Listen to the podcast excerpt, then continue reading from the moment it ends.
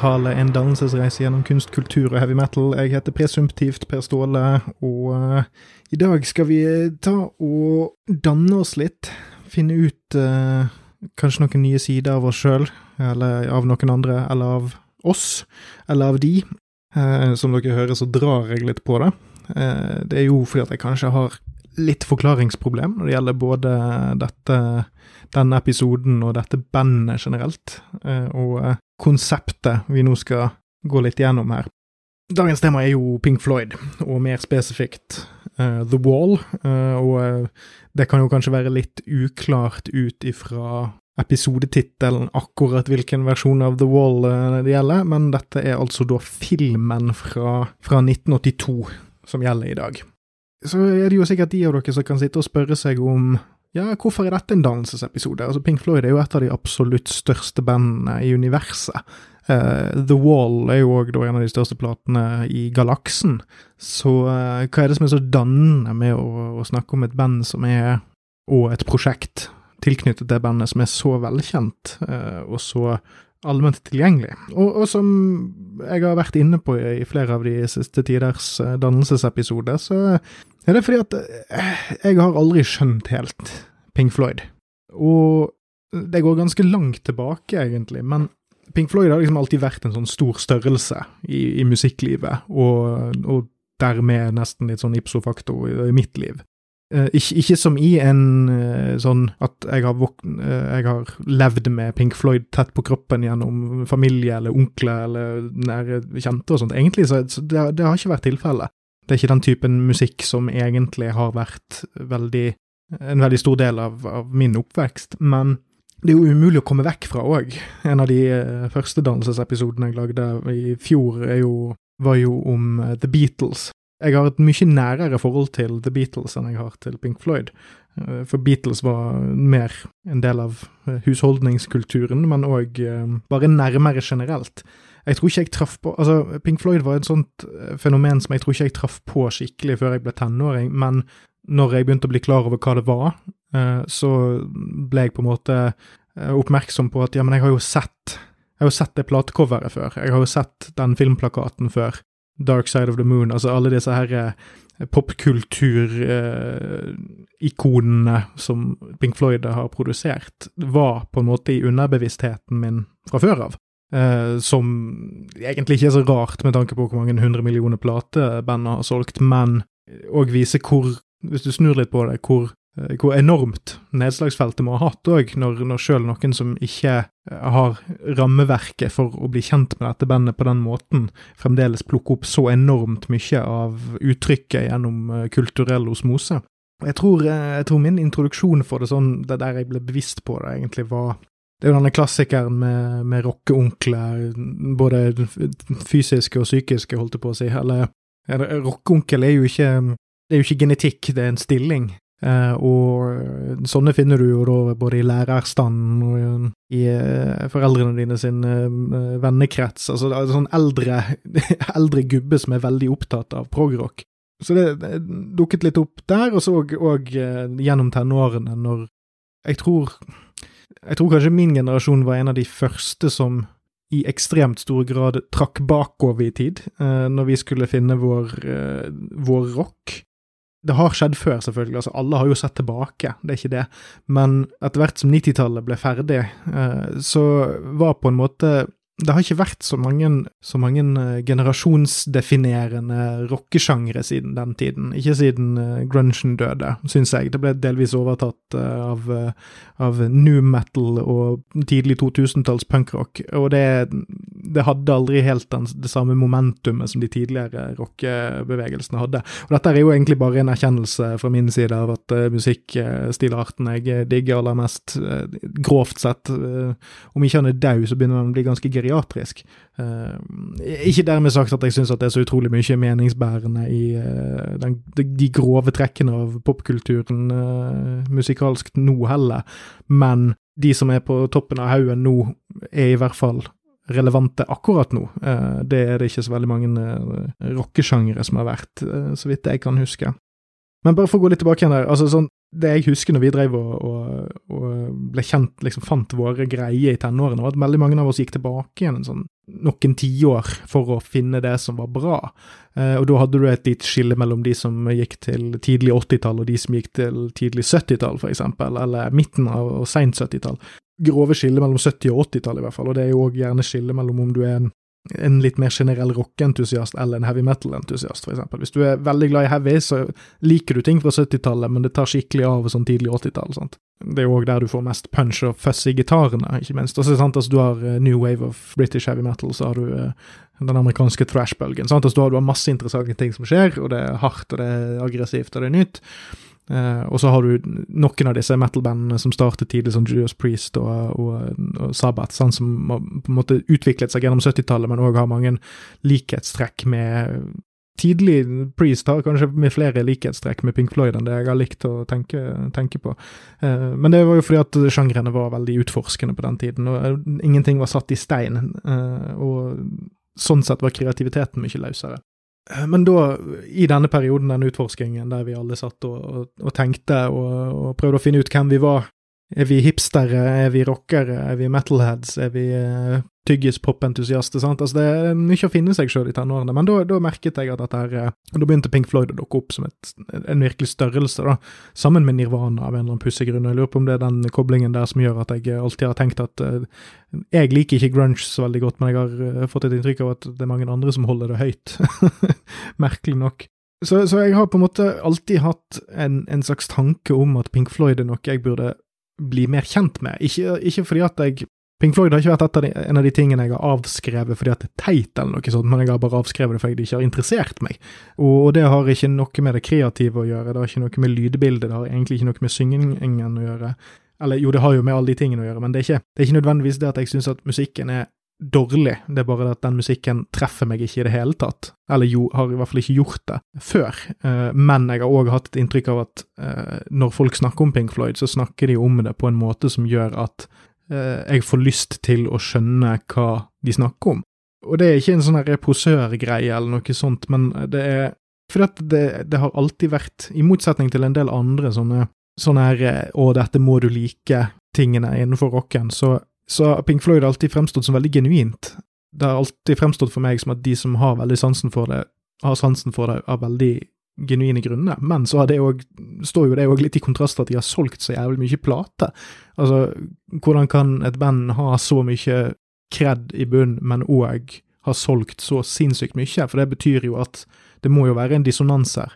Det må jo være en million av mennesker som har kjøpt denne musikken og ikke verdsette det på den måten som de folkene jeg snakker om nå. Det må jo være mange som har kjøpt uh, Dark Side of the Moon og, og bare hørt noen fine låter, syns at det er litt artig musikk. sant? Altså det Jeg, jeg klarer ikke å, å, å rappe hjernen min rundt ideen om at internasjonal popkultur på et tidspunkt var så åpen og så intelligent at den, den genuiniteten til Pink Floyd ble verdsatt av så mange på den måten. Men det kan jo bare være at jeg er en dårlig eh, historiestudent i, i, i så måte. For det blir i hvert fall et, et, stort, et, stort, skille der for meg, som gjør at, at jeg fascineres. Uh, jeg fascineres av, av, konseptet. Og så har jeg, har jeg tidligere nå, og jeg, dette er jo en litt sånn lang innledning, men jeg tenker at denne episoden her blir en det er mer en tankereise enn det er en, en, en gjennomført uh, diskusjon og, analyse. Så ja. Så jeg har, jeg har båret med meg denne her ideen om Pink Floyd som noe, noe positivt, noe bra, noe sterkt, uh, ganske lenge. Eh, men jeg har ikke klart helt å, å, å, få gjort stort med det. Fordi jeg har sagt det før, men denne podkasten her er jo en, en, forlengelse av et genuint ønske for, eh, for, min del om å utvikle eh, smaksløkene mine bitte lite grann. Fordi at jeg får veldig mye ut av å, være, av å, like de tingene jeg liker, men jeg merker at hei, vi har begrenset tid her på jorden, vi kan ikke bare tråkke rundt på de samme stiene hele tiden. Så det er en, en motivator til å prøve å utvide horisontene sine, se nye ting, se ting fra en eller annen ny vinkel. Ehm, men et problem med det er at det, det må du ha tid til å gjøre. Uh, man er nødt til å sette av tid til å omkalibrere hjernen sin. Er, og det betyr at hvis du skal sette deg inn i eller dykke ned i et nytt uh, lydbildebadekar, så trenger man først og fremst ro og stillhet rundt seg, uh, og tid til å fokusere på musikken 100 Og det er en utfordring i en litt masete hverdag, å, ha nok time i døgnet til å høre eksempel en full konseptplate i, helt uforstyrret. Um, jeg hører veldig mye på musikk på bussen, eksempel, men det jeg har funnet ut de siste årene, er at den aller beste måten for meg å høre, høre musikk på, det er å være helt for meg sjøl, sette det på anlegget og bare høre. For det er noe med denne her eh, kommersialiseringen, eller denne, denne hverdagsliggjøringen av musikk, eh, med å høre det på buss å, mens du ser på telefonen din, mens du leser. Det er alltid en million forstyrrelser, så selv om du hører det og kan, kan like musikken, eh, så, treff, så går den ikke så dypt inn som hvis du faktisk setter deg ned bare for å høre på musikken. Og det, og det har jeg òg eh, lagt merke til, at det er tilfellet med, med musikk jeg òg er veldig glad i. At eh, de gangene jeg har hatt anledning i det siste til å bare beine gjennom et album jeg liker, for eksempel til denne podkasten alene, så har jeg Åh, det har bare satt så jævlig bra. Og det, gjelder gamle klassikere som jeg allerede liker veldig høyt, og egentlig har hørt i stykket, men det høres bedre ut. Så det er jo utfordringen med for eksempel plate som The Wall eller Dark Side of the Moon. sant? Altså, det er veldig komplekse album med ganske mange lag, og det er jo bare på det tekniske, eller på, på det musikalske nivået, og ikke nødvendigvis Da har ikke du begynt å inkludere tekstuniverset heller. Så, så det, det, har tatt ganske lang tid for meg å, å komme inn i den rytmen der. Og så har jeg, det kan jeg jo si når jeg da er inne på det, er at jeg har Jeg har ikke jukset i dette tilfellet her, men jeg kan si at, at um, i dette tilfellet her så har jeg eh, hatt litt andre forutsetninger enn det jeg vanligvis pleier å gjøre når det gjelder dannelsesepisoder. Eh, og det er at eh, jeg har for det første hørt på selve albumet The Wall et par ganger før. Og jeg har hørt litt på diskografien til Pink Floyd, blant annet Dark Side of the Moon og et par plater til. Men i The Wall sitt tilfelle så satt jeg og hørte på det flere ganger, hadde flere runder med det og sånt, men det var litt jeg, jeg, jeg kjente det ikke helt, da. Um, det satt ikke helt. Og, og, grunnen til at jeg nevnte dette nå, er jo det at det som er vanlig, den vanlige regelen for uh, dannelsesepisoden, er jo at jeg ikke skal kunne så mye om det, eller lese meg opp så mye om det og sånt. At jeg bare skal ta det for det det er. Men her hadde jeg jo en del bakgrunnskunnskap fra før av, men jeg kan ikke være så jævla rigid, så jeg får bare tenke at regelen for dannelsesepisodene herfra ut får bare være at jeg skal ikke ha sett eller hørt denne tingen før. Eh, og så får det bare være det. Eh, fordi det er umulig å Eller det er altfor strengt å skulle drive og kutte seg sjøl av eh, så mange ulike sjangre og, og band og, og ting med, med, en såpass hypotetisk eller såpass streng regel. Men, men tilbake til, til The Wall, da. Så tror jeg at, at, mitt inntrykk av den Jeg hørte Jeg gikk litt inn for å, å, å lytte, lytte på den, altså. Eh, jeg tror den første gangen jeg lyttet til den, så satt jeg og leste litt uh, Brukte det som bakgrunnsmusikk når jeg leste en bok, uh, og så har jeg hatt i hvert fall to gjennomlytt etter det med bare et glass rødvin eller en øl på en dag der det har vært rundt Ja, med, med stille og ro rundt meg. Uh, og jeg skal ærlig si, talt si at det ikke Det, det satt ikke det var for ja, utsvevende. Uh, jeg sliter litt med, med, med sangrytmen. Uh, og, og, og, og, måten lyrikken er skrevet på, at, at det, det, er et eller annet sånn off-putting, og nå ikke nødvendigvis på den måten Altså, jeg vet jo at det er en del av platen som er ment for å være fremmedgjørende og rar og ekkel og sånt, og det er greit, men eh, jeg ble Jeg datt på en måte av lasset, jeg ble ikke dratt inn i musikken, bare for å kort oppsummere det uten å, uten å rote meg mer vekk. Da er det jo òg igjen viktig å presisere for de av dere der ute som for eksempel liker Pink Floyd mye, mye mer enn meg, så handler ikke dette her om egentlig noe kvalitetsvurdering fra min side, det er bare hvordan hjernen min er skrudd sammen, og at det er Det har ikke vært uh, så, så, lett for meg å få å, å, se på en måte genialiteten i det, uh, eller, eller, oppleve genialiteten i det.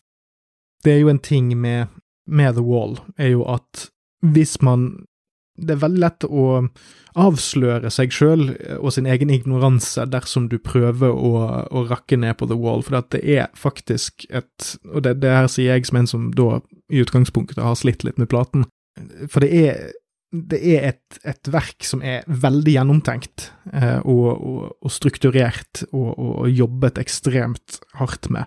Og, handler om såpass eh, drøye, langstrekte eh, temaer som på en måte oppsummerer et helt liv. Eh, så det er veldig avs du avslører deg veldig lett eh, dersom du tar lett på denne platen. Dersom du vel omgås den veldig lettbeint, så kan du ja, avsløre deg som en idiot. Og det tror jo ikke jeg at jeg er, men det er òg Jeg bare understreker her at dette her er Det er noe jeg tar høyde for når jeg snakker om det, at, eh, at dette her er et verk som jeg sjøl mener faktisk fortjener å bli behandlet med respekt, sjøl om jeg i utgangspunktet ikke forstår det, eller ikke liker det på den måten som mange andre har likt det på. Og så kan jeg jo fortelle dere litt hvorfor jeg da, med alt dette i mente, hvorfor jeg da gikk for å snakke om filmen og ikke platen. For filmen kom vel ut to-tre år etter platen, eh, og har jo ikke på langt nær like mye nedslag i eh, populærkulturen som platen har hatt. Den, jeg tror den, den, gjorde det vel sikkert greit på kino, så vidt jeg husker, men den eh, det er jo mer en for en kultfilm å regne. Og det er jo litt fordi at altså sånn Hvor mange konseptfilmer, musikkalbum-konseptfilmer, vet du om som er allemannseie, sant? Det er noe med det å basically lage én lang musikkvideo til platen som det, det, er en egen sjanger, og det er en sjanger som jeg ikke helt vet om man kan kalle en spillefilm på samme måte som en, en vanlig spillefilm er. Det, er. det er noe litt sånn sjangeroverskridende med det som både da tiltrekker og fremmedgjør ulike publikum. Eh, det har rett og slett ikke like stor, stort nedslagsfelt som platen har. Men det er òg da fordi at jeg, jeg, gikk for filmen fordi at for jeg hadde ikke sett den før. Så da kunne jeg ombruke det på denne her eh, regelen. Da kunne jeg eh, Da falt det inn under den veldig strenge regelen min med at jeg skal ikke ha sett, sett eller hørt det før. Men òg for å gi det en sjanse, sant. Altså det, det at, at, jeg tenkte sånn, ja, men altså nå har jeg, nå har jeg hørt musikken, da kan jeg prøve å se presentasjonen. Men for å trekke det litt videre, også, jeg skal også si at en annen grunn til at jeg valgte filmen, er fordi at for et par år siden så kom det ut kom det ut en anmeldelse slash parodi slash kritikk av denne filmen, eh, av en fyr som heter Nostalgia Critic, som er en, en ganske cringe type som eh, bor på YouTube. Um, han var ganske, en ganske stor del av denne her, og, og egentlig var en foregangsmann innenfor det som kalles angry reviewers på nett før i tiden. Uh, nå er han uh, en smule skygge av seg sjøl. Eh, men han lagde altså da en trekvarters parodi slash anmeldelse av The Wall, med musikk, og det var, det var liksom et, med et companion-album, og han gjorde det med, med pomp og prakt. Eh, og så hadde han til og med vokalisten i Slipknot, Corey Taylor, og sønnen hans som, eh, som gjester til å spille ulike roller i, i episoden.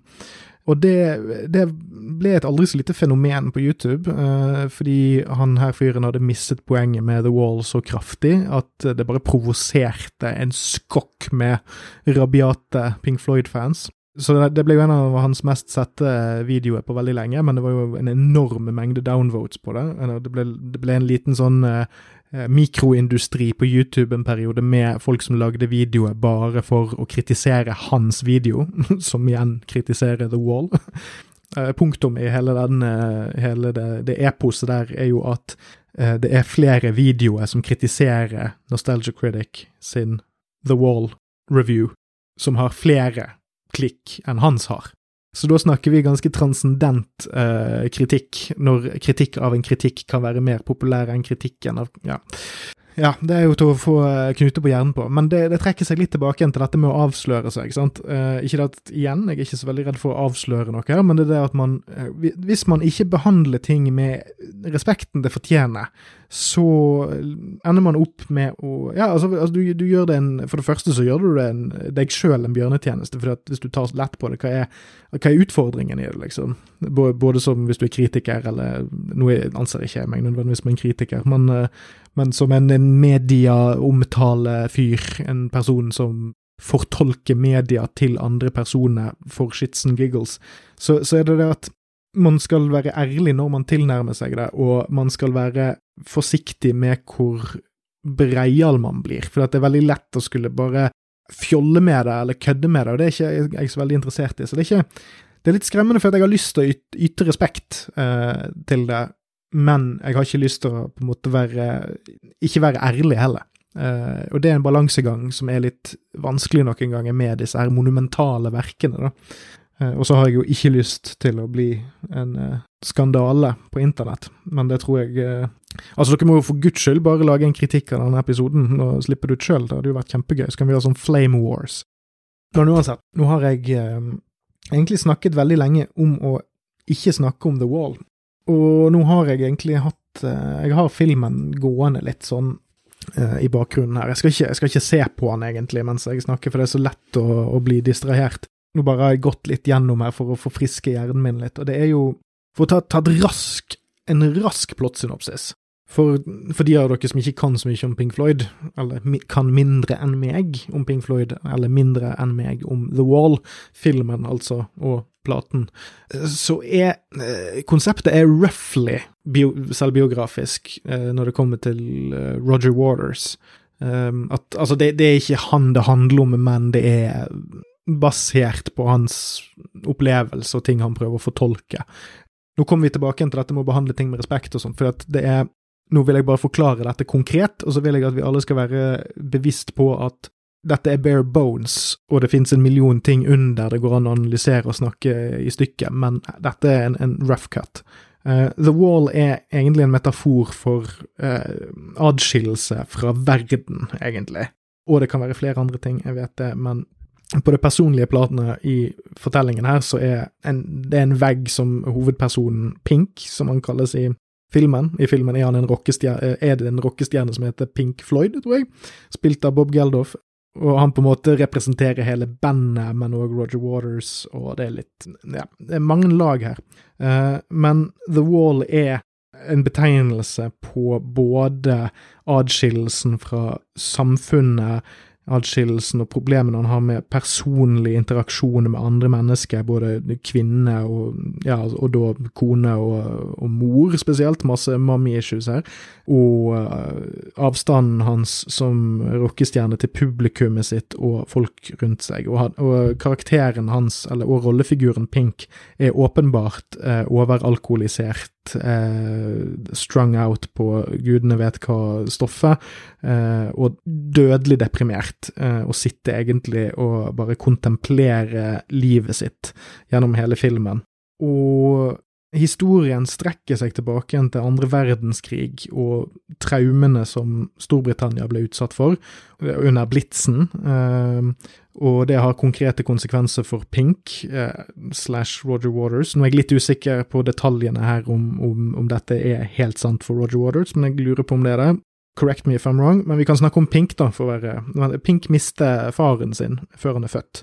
Eh, så traume fra andre verdenskrig er ikke bare at han vokste opp i ruinene av, av Storbritannia etter krigen, som mange av hans generasjon gjorde, de som var babyboomerne som ble født omtrent rundt krigens slutt og litt etter, baby boomers. Eh, men traumet ligger der òg i at han, aldri, han, han, fikk aldri møte faren sin, som døde på slagmarken, og um, han ble oppfostret av eh, en mor, og så kommer disse traumene enda lenger inn med at Hvilket England var det som var igjen etter at uh, krigen var slutt? Jo, det er et autoritært klassesamfunn uh, med strikte uh, sosiale normer som han da bryter seinere med å bli en stjerne og, og sånt, men der merker han òg at han òg er en del av systemet som han òg forakter. Eh, det er mange naziparalleller som ligger her, og jeg vet at dette høres veldig forvirrende ut, men jeg tenker at måten jeg forklarer det på, kan kanskje illustrere hvor tettpakket med, med bilder og metaforer denne fortellingen egentlig er. Det jeg har mistet i midten, er jo at alle, all, den låten alle kan fra dette albumet, er jo uh, Another Brick in the Wall Part 2, og Part 1 òg, for så vidt. Jeg liker Part 1 mye bedre enn Part 2, uh, eh, mest fordi den ikke er spilt i stykket på nachspiel. Uh, og jeg tror faktisk at Another Brick in the Wall er en av grunnene til at jeg egentlig ikke har klart å begynne å like Pink Floyd så godt, for den, jeg, den låten er ikke så god, uh, syns jeg. Eller den, den, er litt sånn frastøtende, for meg personlig. Men den låten handler om det britiske skolesystemet og måten unge blir pushet gjennom et ganske strikt eh, og voldelig eh, skolesamfunn, sånn gutteskole eh, med, med, fysisk avstraffelse, håning. Eh, du blir eh, rakket ned på hver eneste dag av ditt liv. Eh, dette blir konkretisert i filmen òg. Men det er i hvert fall sånn at både filmen og platen og, og hele prosjektet gir er ganske kritisk til post andre verdenskrig England, men òg eh, bare postfascisme-Europa. Eh, at, at det er eksterne faktorer som alltid kontrollerer livet ditt, og alltid påvirker det og trekker det ned. Og, og dette, dette går, går, igjen i filmen. Altså, i filmen så er det veldig mye det er veldig mye konkret fascisme-bildebruk. Både Det er veldig lite om nazisme, faktisk. Filmen er veldig abstrakt, så man sklir fra scene til scene, men gjennomgangstemaet er at du ser Pink sitte på hotellrommet sitt og se på TV og, og være helt apatisk. Men når han blir uh, gjenopplivet fra et selvmordsforsøk, uh, så blir han hivet ut på en scene omtrent som en slags ny Hitler, frontmann for en ny fascistisk ideologi. Og, og det, det, virker som om det, det er Altså, kommersialisme og fascisme og nazisme og, og, og autoritære regimer blir bare bakt sammen til en sånn gedigen uh, meningsbolle. Så vidt jeg husker, så er det ikke noen konkrete nazibilder i animasjonene og de abstrakte bitene, for det, er for eksempel lange, lengre mm, tegnefilmsekvenser med, med en sånn metallørn som river opp eh, britisk jord, for eksempel. Sant? Det er jo en, en metafor for eh, Nazi-Tyskland som, eh, som bomber England. Men det er ikke noe konkret eh, visualisering av nazisme sånn sett, med mindre jeg ikke husker helt feil.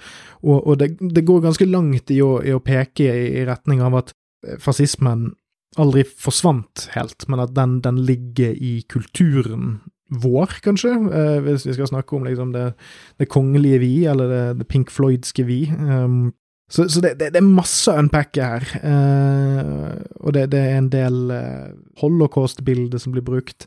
Et av de mest kjente bildebrukene her er jo for eksempel uh, små barn med sånn ansiktsløse ansikter, som blir stuet inn i cattle-vogner og fraktet til en fabrikk for å kjøres gjennom en kjøttkvern. Og det, det, du kan, kan sitte her og, og, tenke, er jo sånn Er ikke dette pretensiøst? Er ikke dette meningsløst? Altså, ikke, hva, hva, er det du vil fram til, Roger? Hva, hva, er meningen med alt dette du prøver å si? Og det er jeg for så vidt, om ikke enig i, eller Det satt jeg egentlig og kjente litt på da jeg hørte platen. Der tror jeg at det, det jeg manglet, nå høres jeg kanskje ut som en, en litt enkel sjel, men jeg tror jeg manglet den visuelle komponenten for å knytte det sammen. Og det, det, kan nok være at de der ute som har mer tålmodighet enn meg, eh, klarte å finne dette her helt på egen hånd, men da jeg satt og så filmen, så begynte jeg Det, det var noe merkelig som skjedde. Eh, for det første så begynte musikken å høres bedre ut, merkelig nok. Eh, og for det andre så begynte den å føles bedre. Altså at jeg nærmest instinktivt skjønte mer av hva han prøvde å si, Roger Waters, i det tilfellet her. Og, og, som dere har hørt nå, jeg sliter jo litt med å, å i en setting nå, og litt sånn off the cuff, forklare hva det betyr, sant. Så når jeg sier at, at betydningen sto litt klarere for meg, så er det at den Jeg tror den Det emosjonelle budskapet til Pink Floyd og Roger Waters er litt tydeligere for meg nå enn det var, men det betyr ikke at jeg kan sitte og si dette var det han mente. Eh, dette var konkrete, det konkrete budskapet han ville, ville gi oss. Men det, var, det, det, er spesielt den fremmedgjøringen i musikken som er veldig, veldig stilig, fordi det er noe med å få disse og Nå, nå skulle jeg ønske jeg hadde slått opp hva han heter, han som har animert eh, disse animerte seksjonene, for det er, det er det som knytter filmen sammen, eh, faktisk. Um, det er jo flere sekvenser der, det, spesielt dette med kvinnesyn og, og Pink sitt ekstremt dårlige forhold til kvinner, uh, der han verken kan se de som en partner eller som noe annet enn uh, noe undertrykkende. Altså at han, han, virker som han sliter med å forstå de, eller i det hele tatt interagere med de. Som er, som er veldig sånn, sånn pervers animasjon på, som er sånn plagsom å se på, men fremdeles veldig vakkert utført. Godt håndverk. Eh, veldig, veldig fløyelsmyk animasjon, altså i den forstand at den, den sklir fint av gårde. Det er ikke hakkete, det, det, er, det er, gjort med omtenksomhet og godt nok budsjett.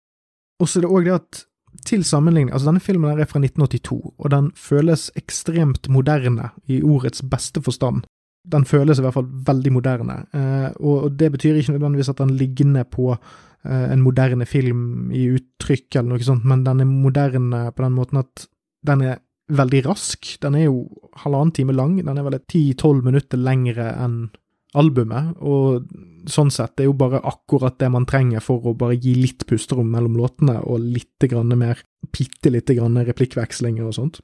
Men den tar deg gjennom hele det er, ingen ha, altså det, det er en del harde brudd i, i, filmen, sånn at du plutselig kan sitte og kjenne Oi, der skjedde det noe, der var musikken brått over, der var det et bilde som ga en enorm kontrast til det du så og hørte.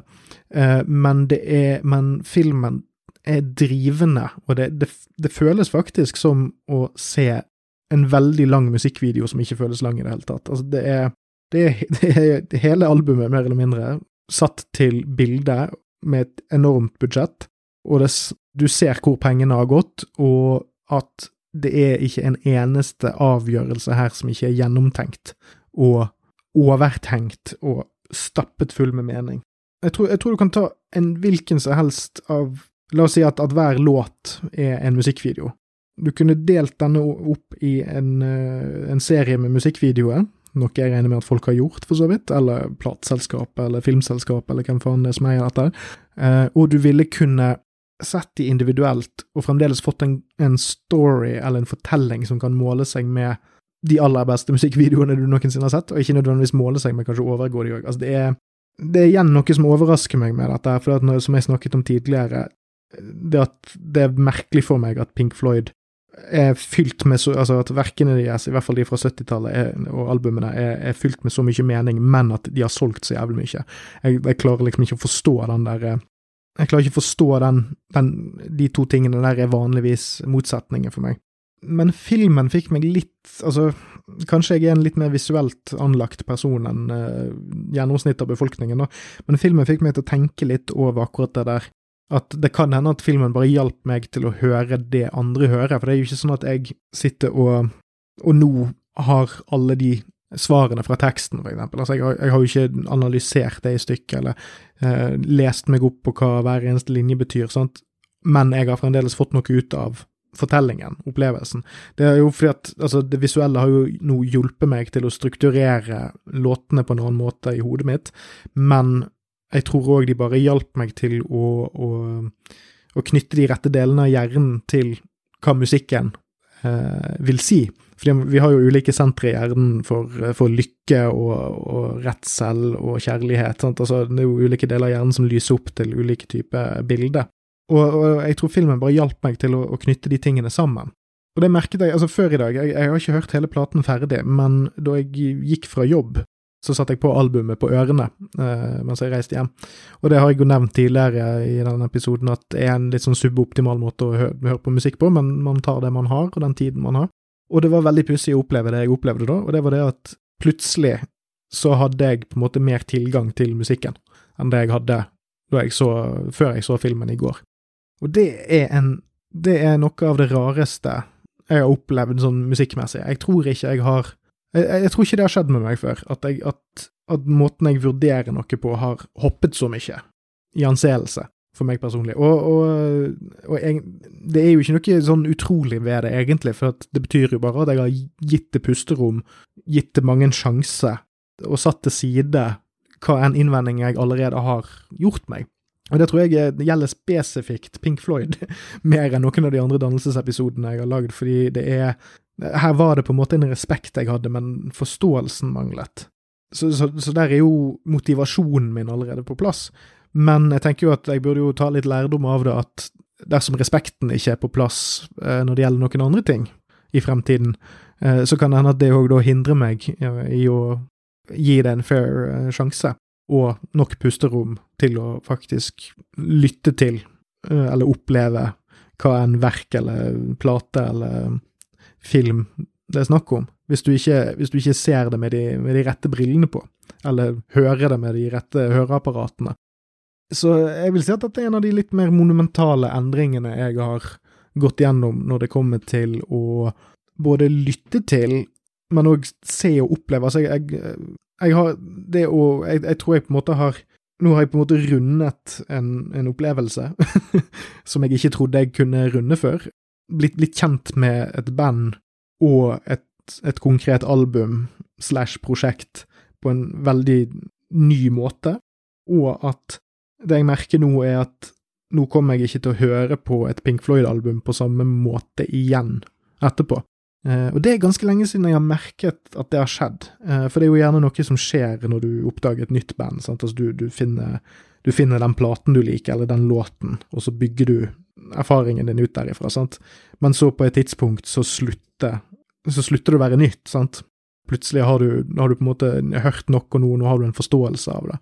Nå har ikke jeg kommet der med Pink Floyd, men det er, det er veldig lenge siden jeg har hatt et sånt Nå har jeg hørt noe på en ny måte. Det er veldig lenge siden. Uh, så jeg vil avslutningsmessig da Jeg vet jo at nå har jeg brukt ganske mye tid på å forklare hvordan hjernen min funker, så jeg skjønner jo at det ikke er det samme for alle dere der ute. Hjernene hjernen deres fungerer på helt andre måter, og det er jo bra. Noen av dere sitter sikkert og spiser brukt dopapir mens eh, de hører på dette, og det er, om ikke det er helt greit, så er det i hvert fall forståelig at vi er forskjellige.